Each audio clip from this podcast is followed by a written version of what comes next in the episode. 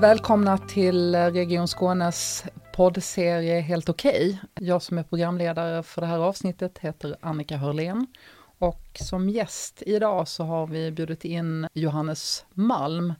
Eh, vi ska ju prata om oro så här i pandemitider med corona, covid-19.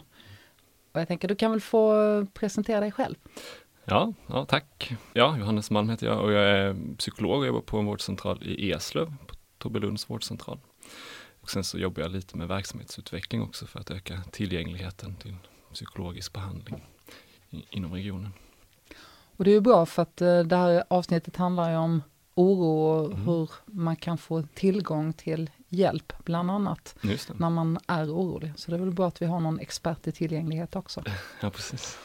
Vi har ju pratat lite innan vi eh, har börjat spela in programmet, Johannes, och då, mm. och då eh, sa du att ja, men det där med att känna oro i tider av kris, det är helt normalt. Va, mm. Vad menar du med, med det?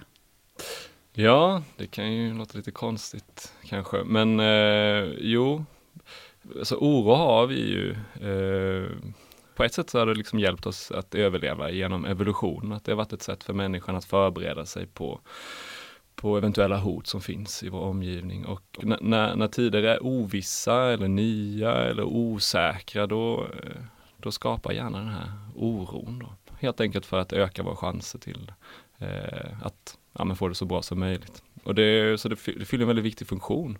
Eh, mm. Så det, det, är för att vi ska helt enkelt tagga upp och inte, och inte gå omkring och tro att allting är som vanligt, utan nu måste vi vara lite extra alerta helt enkelt. Ja, så skulle man kunna säga. Eh, och egentligen så kan man dela upp oron då i, i Vanligtvis brukar man använda sig av en indelning på två. Eh, och där den ena delen på något sätt är eh, en praktisk problemlösning som vi faktiskt eh, ja, men som vi kan använda oss av för att lösa faktiska problem. Eh, vi behöver helt enkelt tänka på hur vi ska, ska lösa olika utmaningar. Eh, och, och, det kan vara väldigt hjälpsamt när det finns en praktisk lösning. Eh, men den här lite mer baksidan av oron handlar mer om när, när vi hamnar i att vi försöker lösa saker som vi egentligen inte har möjlighet att kontrollera eller där vi inte, det finns ingen praktisk lösning alltid. och den kan man fastna i och det kan ja, men det kan ju skapa ett lidande i sig. Då. Jag tänker mm. att just uh, den här situationen har väl lite av båda i sig. Tänker jag. För att i vissa delar så finns det ju saker och ting som vi kan göra för att minska smittspridning eller Exakt. hålla oss friska eller mm. skydda oss på olika sätt. Mm. Samtidigt så finns det ju en oro, det finns ju så mycket ovisshet i vad, vad den här sjukdomen, liksom hur vi ska hantera den och ja. vem som gör rätt, gör vårt samhälle rätt gentemot mm. resten av världen och så vidare. Mm. Um, och eh, just det här med att coronapandemin har så, så få konkreta svar, förutom just att det är viktigt att sätta händerna och hosta i armvecket och hålla avstånd och sådär. När man då inte riktigt vet, till exempel, hur, hur länge ska vi hålla det här avståndet och Ja. När får jag hälsa på mina gamla föräldrar mm. eller mm. Hur, hur, hur kan man hantera den här situationen då? Ja, det är ju frågor som ju är liksom fullt rimliga att ställa sig och att liksom fråga sig. Det, det man behöver vara lite varsam kring eller vaksam på är ju på något sätt att eh, fundera på om, om det finns någon möjlighet för mig att på något sätt tänka ut det här. För det är ju, eh, som, som jag sa innan så kan man ju då ha oron som, en, som en, ett verktyg att liksom lösa saker genom att tänka. Eh, och, eh, och, och, det kan ju då vara väldigt belönande och att, att det blir lätt att man använder det även i situationer som inte eh, Eh, där det inte är så funktionellt helt enkelt. Och hur, hur länge det här kommer pågå eh, kan man ju fundera på. Eh, man kan gissa och man kan eh, eh, ja, men man kan ägna sig åt de, åt de tankarna. Men det kan också leda till att, att man kanske fastnar i, i oron. Eh. Och det finns ju så många experter, det har väl nästan ja. aldrig funnits så många Nej. experter som Nej. vi har idag. Var och en av oss är väl lite expert till mans. Ja, man har ju alla sina gissningar, för alla mm. har vi gått runt och tänkt på det här. Men det, om jag förstår det rätt, Mm. så, be- så beror det just det på att vi faktiskt att vi är problemlösa. Vi Ja. försöker liksom hitta, så det är inte så konstigt att Det är vi, inte så konstigt. nej. Samtidigt som vi- är nog inte alla experter helt enkelt. Nej, det är ju också, det är också att, är tufft att inse ibland att, Mm. att när det kanske man behöver fråga sig om eh, har jag eh, kunskapen att faktiskt eh, tänka ut det här eh, och eh, har jag på något sätt, om jag kommer fram till någonting, eh, har jag möjlighet att påverka? Liksom, vad, vad, vad, börjar mitt ansvar och vad slutar det på något sätt i det här? Och, och att ett ansvar man kanske har är snarare att, att fokusera på att, ja men vad, hur kan jag ta hand om mig själv på bästa sätt? Liksom. Ehm, Jag mm. tänker att det här programmet kommer ju handla mer om den biten som handlar om det ovissa. Mm. Alltså, och det som vi inte vet hur vi ska hantera all, Ja. alla, alla gånger. Mm. Och eh, alla av oss är kanske inte lika vana vid att förstå att vi är oroliga. Nej, just det. Hur, hur förklarar man oro? Kan man det? Va- vad- Alltså hur, hur, man upp, hur, hur man märker av den eller? Ja, till exempel, alltså, eh, kan, det, var sitter oron i kroppen? Ja, just det. Ja, nej men det sitter väl eh, till att börja med i, liksom, i tankeverksamhet, alltså det är en kognitiv verksamhet. Eh, som brukar börja med ett tänk om. Eh, och det är väl eh, ett bra kännetecken om, om, om man funderar mycket med tänk om det här händer. Det som brukar följas av, av det är eh, i, i den här orosspiralen brukar vara eh, någon sorts lugnande tanke som eh, någon sorts lösning. Eh, men eh, när det är ovisst så kommer inte den lösningen hjälpa för att det finns andra eh, eh, ovissheter eh, som är fortfarande kvar. Och, och det som kommer hända då är att hjärnan kommer, eh, kommer med nya tänk om. Eh, Så att det blir som en Ja, spiral. som en spiral. Ja. Så Mm. man, man, man skiftar mellan tänka om och att problemlösa. Och, men när man gör det med saker som man inte riktigt kan liksom, lösa så, så kommer man aldrig liksom, till vägs ände. Så. Det bara fortsätter att spinna. Ja, det, eh, och det kan ju då, så det börjar ju liksom där och sen så eh, kan det ju övergå till någon sorts fysisk eh, reaktion i att, att, man, att man börjar känna eh, ja, ångest är ju tätt kopplat till oro. Eh, och det kan man ju märka med att man kanske får hjärtklappning eller man börjar sova lite sämre på kvällen eller att, att, att man känner att tankarna rusar. Att, ja, att man känner sig liksom i varv och svårt att slappna av och sådär. Eh, mm. Kan man eh, fysiskt, eh, kan, det göra, kan oro göra ont? Ja, det är ju vanligt med, med, spänningar och sådär, så nackbesvär och huvudvärk är ju vanligt. Och, och, så ont i magen kan man ju få. Att man, mm, eh, så det, det finns en massa olika sym symptom liksom på, på ångestkomponenten av oro. Som ju också i sig kan skapa oro. Just det, betyder ont det i magen hela tiden. Ja, ont i magen, nu känner jag ett tryck över bröstet eller att Mm. hjärtat börjar slå lite mer. Eller att, och så kan man börja känna efter om, om är andningen påverkad, jag känner mig kanske lite mer andfådd. Och, alltså, tänk om jag har blivit smittad eller sådär. Och så, så kan eh, Man har det, kanske aldrig lagt märke till sin andning innan och Nej. tycker att den är konstig. Ja, Mm. ja men så tror jag. Det är nog väldigt vanligt att, att det är många som har gått och varit lite mer eh, eh, uppmärksam på kroppen sistone. Mm. Du sa en viktig beståndsdel är ju just det där att märka, märka oron. Mhm. Så, så när man då märker att man kan, man, kan man säga att man inte riktigt känner sig som vanligt? Kan det vara? Mm.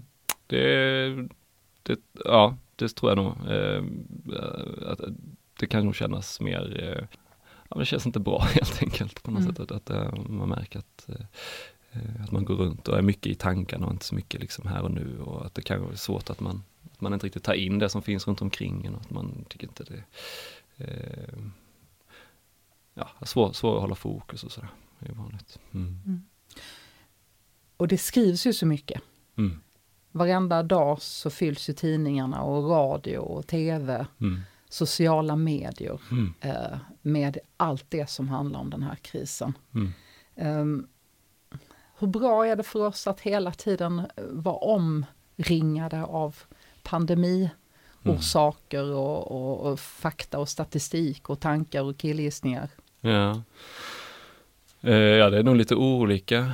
Eh, eh, det finns ju säkert de som, som tar del av all den här informationen på ett sätt som ja, men man, kanske, man kanske känner ett genuint intresse för det, kanske ligger, liksom ligger i linje med vem man, vem man jobbar med och sådär. Då är det ju såklart eh, bra om, om man känner att, Eh, att man får ut någonting av det, om det blir meningsfullt. Eh, men jag tror att för många av oss så, så kan det nog bli lite för mycket och speciellt om man känner en oro så kan man ju börja fundera på vad är det som egentligen triggar den här oron. Eh, när blir jag mer orolig, när är jag mindre orolig, vad gör jag då? Jag tror att um, det är många som, som ägnar mycket tid på informationskällorna. Och vi har ju så nära till Vi har ja, våra telefoner ja, och ja, på olika sätt och så lätt att, vi ska bara titta lite här och så får man upp en, en ny statistik eller någon ny Precis. idé eller vad det är. Så det handlar väl kanske om att man ska försöka höja de trösklarna lite, att det är kanske lite väl tillgängligt med, med information ibland. Eh, och att man kanske bestämmer sig för att jag, ja, men jag stänger av vissa notiser och bestämmer sig för att eh, ja, men jag, om, jag nu, om det är viktigt för mig att ha koll, för det är ju såklart bra att man ska följa utvecklingen men inte eh, men bara på ett sätt så, som är meningsfullt för en. Ja, men att kanske bestämma en tid varje dag, men då har jag min liksom coronatid eller min covid-tid och, och eh, varje gång jag liksom får en orostanke kring eh, eller en impuls att jag vill kolla upp någonting och sådär. Att ja, men lägga märke till ja nu kom liksom oron här och sa att jag ville på något sätt få kontroll. Eh, eller att jag behövde det se om man liksom kan pausa där och skjuta upp det till den här tiden som man kanske då avsätter någonstans. Eh, inte för nära in på sig en gång och eh, sådär. Men för vad händer ifall man ligger ja. där och jagar ja. upp sig på natten? Ja, exakt. Då, då blir det svårt att sova. Mm. Och sen så kanske man blir frustrerad för att man inte sover och sen så försöker man sova och då blir det ännu svårare sova. Så, så, det, kan, så det, det, kan man vara lite varsam med när, när man lägger en sån tid. Eh, men någon gång då man eh, har möjlighet att på något sätt varva ner efteråt. Eh, eller göra någonting som faktiskt eh, känns lugnande eller lustfyllt. Det här med oro, det tar ju sig i olika uttryck mm. och, och, när man har folk så finns det ganska många, eh, inte minst äldre, som ju då är de som är de mest isolerade, som mm. är oroliga för att de tycker att vi är för nära varandra, vi håller inte det fysiska avstånd eh, som vi borde göra kanske i, när vi är ute i samhället, i affärer eller i parker eller ja, eh, och så vidare. Mm. Mm. Och den här att, att oroa sig över andras beteende, för det är en sak att mm. jag kan skydda mig själv, men jag kan ju kanske inte så lätt påverka hur andra beter sig. Nej, just det. Har du något råd till dem som, som sitter och är oroliga över hur andra gör? Ja, det är väl att man återkommer lite till det här eh, att eh, vad kan jag påverka och vad kan jag inte påverka? Eh, och hur andra gör är ju, det är ju en svår, svår bit att liksom gå in och påverka. Och om det är så att man stannar hemma på grund av oron för hur andra gör, då kanske det handlar om att jag kanske behöver testa och se vad faktiskt andra gör, så att man får någon sorts, på något sätt verklighetsförankring till det. Eh, har man upplevelse av att andra inte på något sätt respekterar avståndet, då förstår jag att man är orolig kring det, eh, om man själv är en riskgrupp eller, eh, eller verkligen inte vill bli smittad. Samtidigt får man ju signaler av att det här med att isolera sig ett slags annat, alltså det är ju också en grogrund för oro. Ja, det, ja precis. Så att det är viktigt att eh, eh, göra det man kan göra eh, och inte begränsa sig mer än vad liksom rekommendationerna är. Och det gäller ju även med att tvätta händerna för det kan på något sätt, eh, det ska man ju göra eh, enligt rekommendation. Men ibland så kan det också bli, gå till överdrifter att man, eh, att man söker en kontroll genom handtvättandet eh, och att man söker det, det trots att det liksom eh, det går inte att uppnå kontroll eh, fullt ut. Och då handlar det om på något sätt att leva lite med ovissheten och träna sig på det. Och det skulle kunna vara att faktiskt gå ut och se vad händer om jag faktiskt går ut. Oron säger att jag att folk kanske kommer komma för nära, men, men vad händer? Och där behöver man på något sätt förankra sig i verkligheten ibland. Så att man inte trissar upp? Ja, nej men precis, att man får liksom en att man har en erfarenhetsbaserad liksom, mm. uppfattning om världen.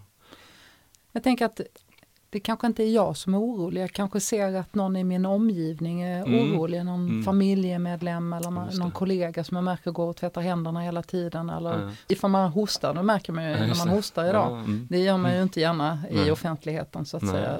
Nej. utan att jag fick någonting i halsen eller nej, man måste på något sätt.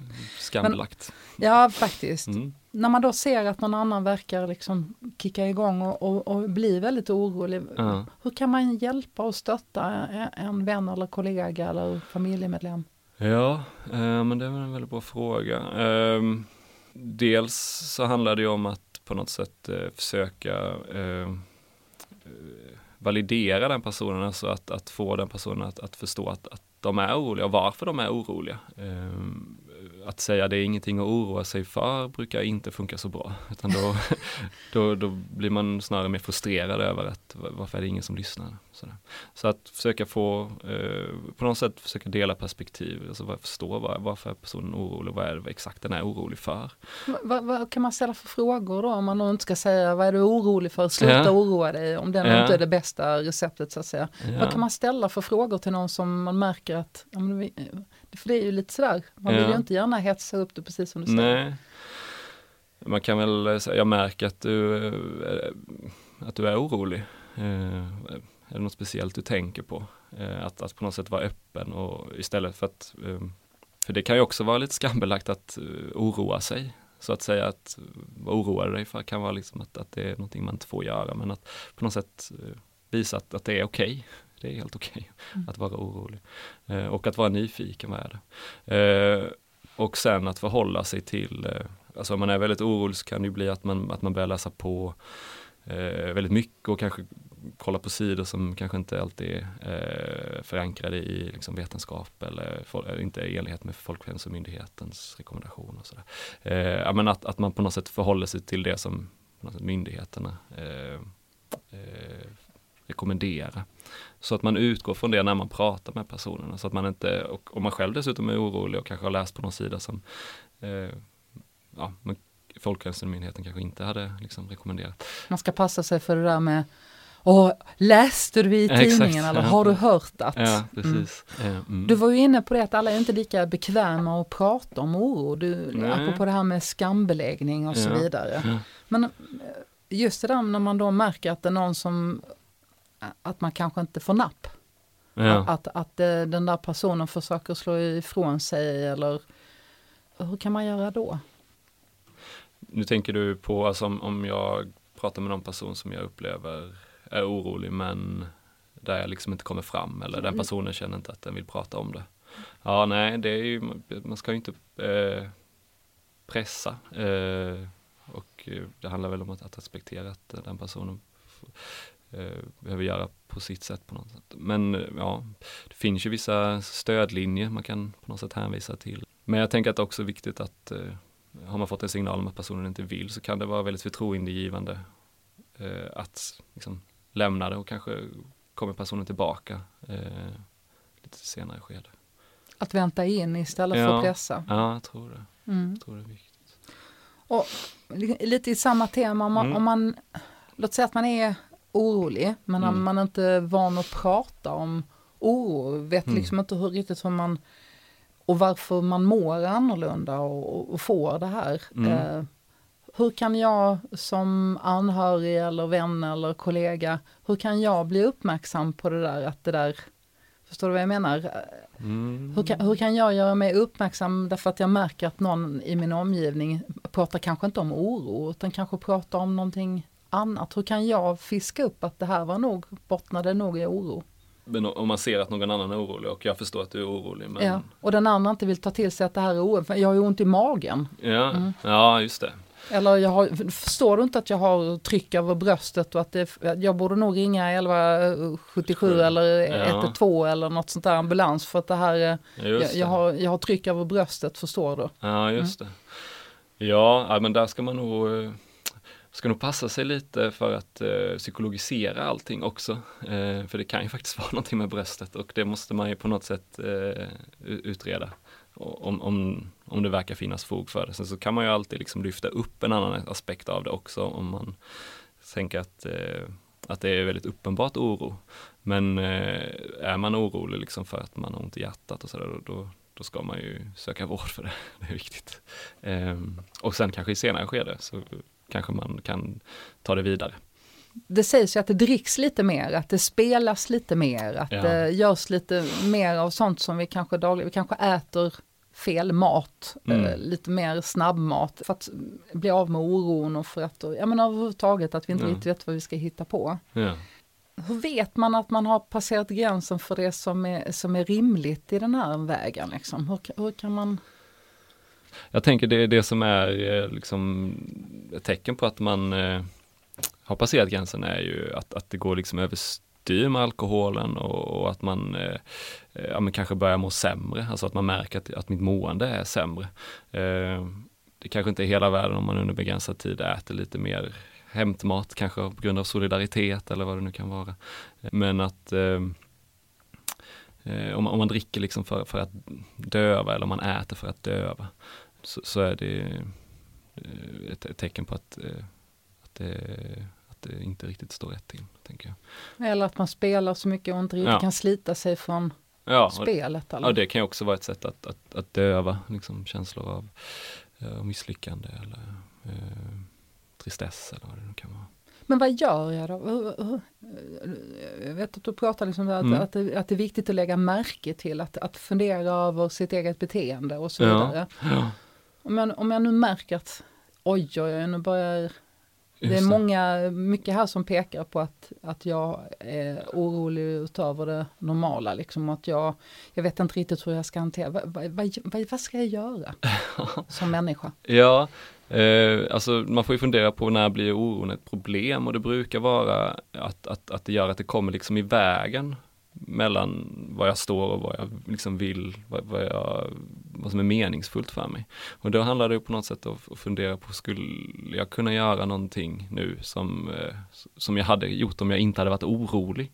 Eh, och fortfarande rört mig inom eh, liksom, rekommendationer från Folkhälsomyndigheten. Eh, och om det finns några sådana liksom, aktiviteter som jag, jag, skulle kunna göra, då är, tycker jag att man, då ska man testa att, att göra det. Eh, om man tycker att det är för svårt så handlar det ju kanske om att eh, söka hjälp eh, via 1177 till exempel eller via min, min vårdcentral om jag känner att jag liksom, behöver hjälp av någon annan professionell. Så. Vad, vad, kan man få ut från 1177? Eh, vi pratar om 1177.se, alltså ja. vårdguiden på nätet. Ja, just det. Vad, vad, kan jag få ut av det? Ja, men där kan man läsa lite om oro och vad man kan göra och hur man liksom lite mer handfasta tips eh, kring eh, ja, hur, hur, man kan eh, se på oro och hur, hur man kan liksom, hantera det. Det är ganska eh, kortfattat men, men för en del så kan det vara väldigt hjälpsamt att bara få ett perspektiv på att det är oron som är problemet snarare än omständigheterna i vissa fall.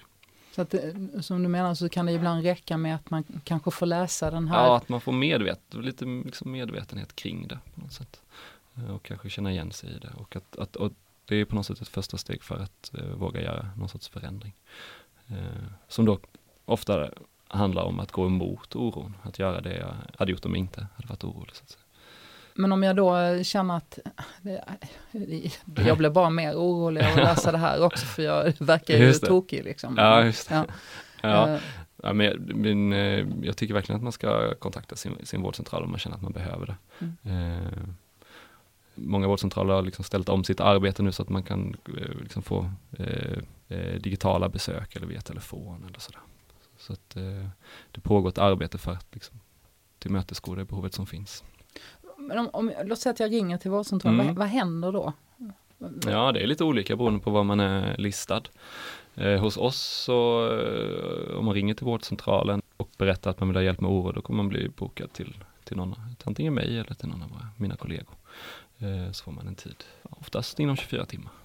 Och om man är rädd för att gå till en vårdcentral, för man tänker så här, det är ju där smittan är. Ja, ja men precis. Ja, men då kan man få ett, eh, att man får prata på telefon eller att man får ett, liksom, ett eh, Skype-samtal. Eller så att det så. finns lite olika möjligheter mm. där också. Ja, det gör det. Om det nu är så att jag känner att jag hanterar inte riktigt detta själv eller med, med hjälp av mina vänner eller nära. Ja, och då skulle behöva hjälp mm. och ringer till en vårdcentral, hur, ja. hur, hur länge måste jag vänta på att få den här hjälpen då? Ja, det är ju lite olika beroende på var, eh, vilken vårdcentral du har listas på, ska jag eh, gissa. Eh, men, men, hos oss och eh, på flera andra eh, vårdcentraler så, så, så kommer man få en, en, snabb hjälp och så kan du få hjälp eh, oftast faktiskt redan samma dag eller inom 48 timmar i alla fall. Så det, det är ju snabbt. Och för att det är viktigt att ta det liksom i, när det väl kommer. Eh, när, man, när man verkligen söker hjälp och vill ha hjälp, då är det viktigt att möta eh, hjälpsökandet. Så det ska inte egentligen behöva ta så lång tid. Jag ska inte behöva vänta i veckor på att få hjälp med. Nej, vårdgarantin säger ju tre dagar ska man ju få hjälp eh, med någon sorts första bedömning. Men, men, det, men det ser lite olika ut eh, beroende på vad man är listad som sagt. Om jag nu skulle komma till dig Jaha. och så säger att jag, jag känner att jag är ovanligt orolig, jag har svårt att sova på natten och så. Ja, jag har försökt titta här på 1177 men Ja. jag, jag kommer liksom inte ur det. Nej. Vad skulle du säga till mig då? Ja, för så skulle jag börja med att fråga en massa saker. så att det blir en hjälp som på något sätt blir anpassad till, till just dig och, och, och din livssituation och vad du har med dig och sådär. Eh, och sen skulle jag kunna bli att, att, att man gör någon sorts plan kring ja, men de förändringar man kommer fram till och eh, skulle kunna vara hjälpsamma. För en del är det ganska självklart att söka eh, hjälp Ja. från psykolog eller så, eller från sjukvården om man behöver det. Medan Ja. andra inte alls har den eh, erfarenheten eller Ja, kanske det. att det kanske inte ens finns i deras tankar att man söker psykolog. Det, sånt man, det här klarar jag själv. Va, vad, vad skulle du vilja säga till dem eh, i den här situationen? jag tror att det, det är under förändring eh, hur rollen som psykolog eh, ser ut i, på, i, inom primärvården och på vårdcentraler att, att man jobbar mer liksom som vilken eh, eh, vårdgivare som helst. Eh, så jag tror att det handlar mycket om att man signalerar ut vad det innebär att träffa en psykolog eller eh, eh, hur- man som vårdgivare tänker på att eh, hur självklart det är att, att, att patienten behöver träffa en psykolog. Och jag tror att det kan liksom smitta av sig lite kring till patienten. Har du förståelse för att en del kan kanske känna att gud, måste jag till en psykolog? Nu är det illa, ut, nu är illa ute. Ja, just det. Ja, alltså jag, jag tror att, att, att det redan har skett ett skifte i, i mångt och mycket. Eh, möter inte det så, så ofta i alla fall. Inte jag, eh, det är möjligtvis att mina eh, läkarkollegor på vårdcentralen eller sjuksköterskorna kanske märker det, men jag tror faktiskt inte det. Alltså det har, det har skett en förändring, men det kan ju såklart fortfarande eh, finnas. Men jag tror att om, om de kommer till oss först, liksom oavsett, så har de ju möjlighet att få en, en, en korrigerande bild av vad det innebär att träffa en psykolog. Johannes ser ganska snäll ut. ja. Men om jag förstår det rätt så är alla välkomna. Absolut. Eh, och att det finns egentligen ingen, ingen fråga som är dålig i det här sammanhanget. Nej, nej, nej, absolut inte. Är, Men sen kan det ta olika lång tid kanske att kunna reparera sig eh, när man har oro i kroppen. Ja. Ja, Ja. Johannes, Ja. eh, tack så hemskt mycket Mm. för att du ville vara vår gäst eh, och prata om de här frågorna som ju är ganska svårgreppbara. Precis. Det är ju, finns ju stor anledning till att oron dyker upp. Det är, ibland är det hjälpsamt, ibland är det mindre hjälpsamt. Och det handlar på något sätt att sortera där. eh, När hjälper det mig och när stjälper det mig? Och att bryta när det inte är så hjälpsamt. Och att inte se oro som någonting fullkomligt bara negativt utan det är att det faktiskt finns positiva aspekter också. Ja, på ett sätt är det ett tecken på att på något sätt hjärnan funkar som den ska. I ovissa tider är det fullt naturligt att, att, att vara orolig. Och med de orden att det är fullt naturligt att känna oro så tackar vi för detta avsnittet i Mm. Helt Okej och eh, var rädda om er där ute och sök hjälp hos Johannes och hans kollegor om ni behöver. Ja, ni är hemskt välkomna.